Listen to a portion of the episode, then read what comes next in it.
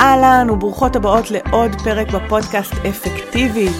והפעם הכנתי לכם פרק מיוחד שלקוח מתוך שידורי הבוקר.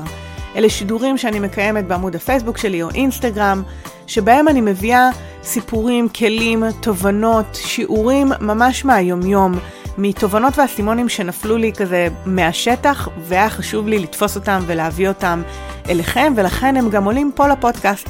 קטעים שהם חתוכים, ערוכים, מסודרים, ותוכלו להקשיב להם בקלות ועם אה, פואנטה ככה ממוקדת, ותוכלו להעביר אותם הלאה למי שזקוקה לו גם כן. אז תהנו מהאזנה, ואני אשמח לשמוע כרגיל מה אהבתם, מה לקחתם, מה אתם יוצאות מהפרק הזה. צלמו מסך, שתפו אותי ותהנו מהאזנה.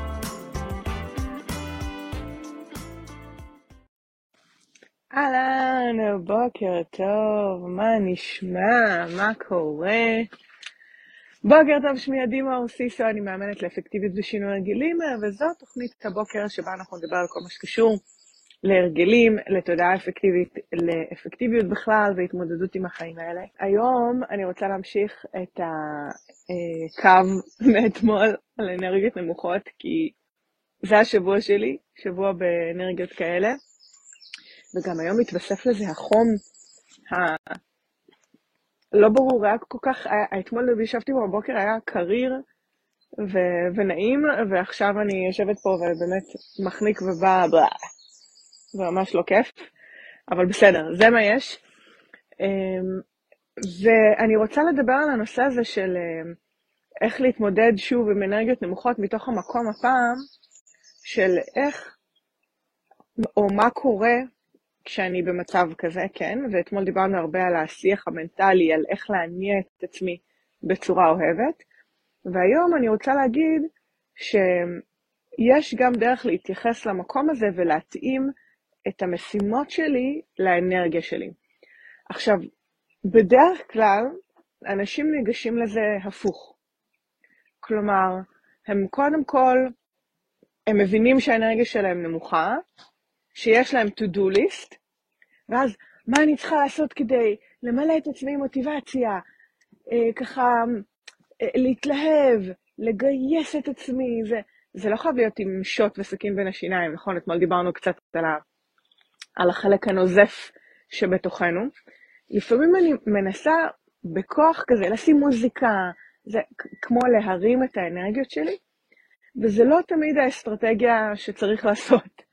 לפעמים, במצב כזה, לפעמים אני רוצה רגע להיות קשובה להלך הרוח. אם דיברנו על זה שגם הורמונלית האנרגיה שלי נמוכה, ואני לפני וסת וכל הדברים האלה, אז אין טעם שאני אנסה להלהיב את עצמי והקפצות ומוזיקה ואנרגיה, ובכוח אנסה לעלות כדי לבצע איזה אטרף של משימות. זה כמו, שוב, לדחוף עגלה בעלייה.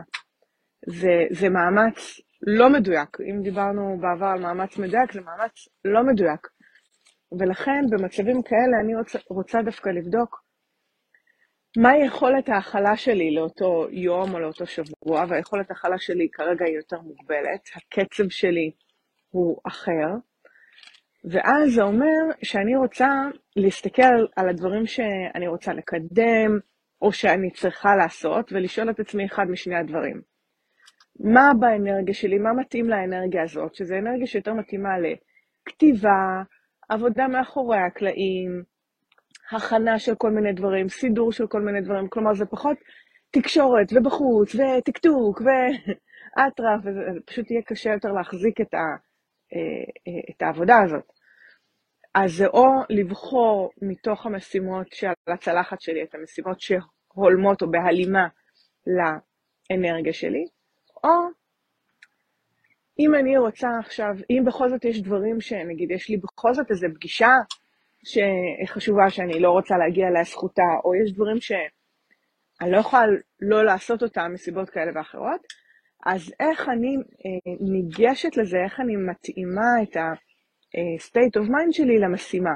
כלומר, על אותה פגישה אני יכולה לבוא באנרגיות, אבל אנרגיות נינוחות יותר, אולי לא מתלהבת וזה, זיקוקים כמו בדרך כלל, אבל אני יכולה לבוא קצת יותר רגועה, קצת יותר נינוחה, קצת אולי יותר להקשיב, ועדיין להיכנס לתוך אותה משימה מתוך הידיעה שהאנרגיה שלי היא כזאת וכזאת, אוקיי? שהמיכל שלי יותר מצומצם, שהאנרגיה שלי יותר נמוכה, ולכן אני אגש לזה קצת יותר בעדינות, יותר בהקשבה. וזה זה לא מובן מאליו. מישהי שאפתנית, פרפקציוניסטית, דו-עירית, רגילה לדחוף את עצמה ולעשות הרבה דברים, היא רגילה לדהור קדימה, נמוך, גבוה, יש אנרגיה, אין אנרגיה, זה, וזה, וזה לא, בצ... לא בהכרח הדרך המטיבה לעשות את זה. האם זה קל? לא פשוט, לא כל כך. לא, אני יכולה להגיד לכם שאני מתרגלת הרבה הקשבה עצמית והרבה... אני לא יודעת אם חמלה אפילו, זה לא, זה לא חמלה, זה פשוט הקשבה. והבנה לוגית, הייתי אומרת לפעמים, של אין טעם שאני אלחם בזה, כי אז אני אבזבז יותר אנרגיה. אם כבר עדיף שאני אתאים את עצמי למצב. עכשיו, תראו, יש כאלה שאומרות, מה, אני מוותרת לעצמי? אני אוותר, זה לא ויתור, זה בדיוק הקטע. ויתור מעורר תחושה של uh, קיבוץ, תחושה מקטינה, תחושה של כזה, קיבוץ זה התחושה הפיזית הכי, uh, שאני יכולה להסביר אותה, שזה מעין תחושה מתכנסת כזאת, לא טובה. זה לא עושה לי טוב לוותר. כשאני קשובה לעצמי, גם אם אני בוחרת להאט, לעשות את הדברים אחרת, לרווח, לנשום קצת, אני אתמול לקחתי את הבוקר די באיזי עד שהתחלתי ממש להיכנס לזה. ממש, עד איזה עשר וחצי, אחת עשרה, הייתי די בעצלתיים, כי זה מה שהרגיש לי נכון, ואז הרגשתי שמילאתי את המיכל הזה, ואז פתאום, אני ממש זוכרת מ... מתי, הייתי ש... מתי הסתכלתי על השעון? כן, בין 11 ל-11.50, היה לי איזה 50 דקות, שטטטטטט, כל הדברים קרו, לא באטרף, אלא פשוט בזרימה כזאת מהירה, שאני אומרת, וואו, פתאום אני מבינה כמה דברים אפשר להספיק בשעה. מייל פה, תזמון שם, עוד ניסחתי עוד איזה משהו, עוד איזה משהו, עוד איזה משהו, פתאום סימנתי וי כבר על איזה ארבעה-חמישה דברים. אז, אמ, אז חלק מהעניין זה לשים לב לתחושות גם. ויתור זה קיבוץ, והקשבה לעצמי זה, זה מעין הקלה והתרחבות כזאת, תנועה של, תנועה פותחת. אם יש לכם שאלות על העניין הזה, של איך להתאים את המשימות לאנרגיה, ו- ובכלל על הקשבה לעומת ויתור, אז תשאלו אותי, כי כן אה, מעניין אותי להרחיב אם זה לא מספיק ברור. אני, אני חוזרת רגע ומסכמת, בעיקר אני רוצה להעביר את המסר. העניין הזה של ניהול אנרגיה הוא, הוא קודם לניהול זמן ומשימות, אוקיי?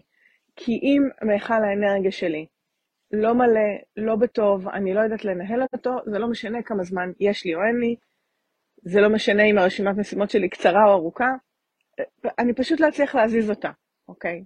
אז השיח הזה על ניהול אנרגיה הוא קריטי. נתחיל מזה. שתיים, מכל מיני סיבות האנרגיה שלנו משתנה לאורך השבועות והחודשים וה... והימים. אני בשבוע של אנרגיות קצת יותר נמוכות, גם אה, חיצונית, כאילו מאירועי החיים והמדינה וזה, וגם פיזיולוגית. אז אני לא רוצה להילחם ראש בקיר ולדחוף את עצמי ולגייס את עצמי וזה. האם יש מצבי חיים שאולי צריך לעשות את זה כי... אה, כנראה שכן, אבל אני לא מדברת על מצבים חריגים, אני מדברת על היומיום. וביומיום אני רוצה לתרגל הקשבה לעצמי והתאמה בין מיכל האנרגיה לבחירת המשימות שלי. ומשימות שאני יכולה לבחור איך ומתי לעשות אותן, אז אני אבחר אותן בשיקול דעת ביחס ליכולת ההכלה והאנרגיה שלי לאותו יום. זה קודם כל. זה אומר שבימים כאלה אני אנסה יותר אה, לתכנן, לחשוב, לכתוב, לעשות דברים מאחורי הקלעים, להקליט, לא יודע, דברים כאלה, ופחות להיות בחוץ, פחות באינטראקציה וכולי וכולי. יותר, פחות להוציא אנרגיה החוצה, יותר אנרגיה פנימה. העניין הוא שיש דברים שבאמת, יש לי פגישה, יש לי איזה משימה שהיא בדדליין להיום, יש כל מיני כאלה. ואז נשאלת השאלה איך אני אה, בעצם מתאימה או נערכת נקודתית לאותה משימה, אוקיי? וזה שונה מאשר אה, להילחם בזה, אלא לעשות את זה קצת יותר בנינוחות, יותר בהקשבה, יותר בהתכווננות מסוימת, אוקיי? גם לפגישה אפשר להגיע ב... בפוקוס שקול. בסדר, אז אני מקווה שהמסר ברור. כן, אני אשמח לשמוע איך זה פוגש אתכם, מה אהבתם, מה לקחתם, מה אתם יוצאות מהשידור הזה הפעם. אה, סיגלית שואלת איך התהליך הפנימי עובד לקבל קבלת החלטות. וואו, זה ממש, זה, זה נושא ענק, קבלת החלטות, שאגב, בקרוב אני אקדיש לו חודש שלם במועדון מומנטום, למי שבעניין אה, ללמוד את זה ככה יותר לעומק. אה, אולי כהתחלה לתשובה הזאת, אני אגיד שבסופו של דבר, קבלת החלטות בעיניי זה לא עניין רציונלי בהכרח ורק ניתוח נתונים ובעד ונגד וכל הדברים האלה, למרות שהמוח הקוגניטיבי החושב שלנו ישמח לנתונים האלה. בסופו של דבר בעיניי התשובה הכי מדויקת עבורנו מגיעה מתוך החיבור והקשבה לעצמי. אבל כן הייתי מזמינה אותך להתבונן על עד כמה את באמת מצליחה להיות קשובה לעצמך לעומת מונעת מדברים חיצוניים, מאיך זה משפיע על אנשים אחרים, מה יגידו עליי, איך זה נראה. כל השיקולים האלה הם שיקולים חיצוניים שלא באמת מאפשרים לנו להתחבר לעצמנו ולהיות קשובות לעצמנו. אז אם אני רוצה לקבל החלטה ולהיות בלב שלם עם ההחלטה הזאת, אז התנועה היא בחזרה פנימה, ולא החוצה. אז כל הזמן לעשות את התנועה הזאת של איך אני מרגישה, מה אני חושבת על זה, איך זה מרגיש לי בבטן, איך אני רואה את החיים שלי, איך זה ישפיע עליי בעוד שנה, שנתיים, שלוש, איך אה, אני רואה את עצמי בעוד חמש שנים מעכשיו, מה אני רוצה להרגיש מחר בבוקר לגבי הדבר הזה. כאילו, בסוף, בסוף, בסוף, אנחנו חיות עם ההחלטות שלנו. אז זה לא משנה איזה החלטה תקבלי, יותר חשוב שתקבלי אותה בלב שלם, כי תצטרכי לחיות איתה. כי אנחנו אף פעם לא יודעות מה יהיו התוצאות ולאן זה ילך. אז התנועה תמיד תהיה פנימה. בסדר, סיגלית? אוקיי, יקרות, בנימה הזאת, אני מקווה שזה מוציא אתכם עם אה, אנרגיה טובה וחומר למחשבה ליום הזה. שמחתי להיות איתכם הבוקר. אני הולכת לנהל את האנרגיות שלי בנחת היום, ואנחנו ניפגש מחר בשמונה. ביי.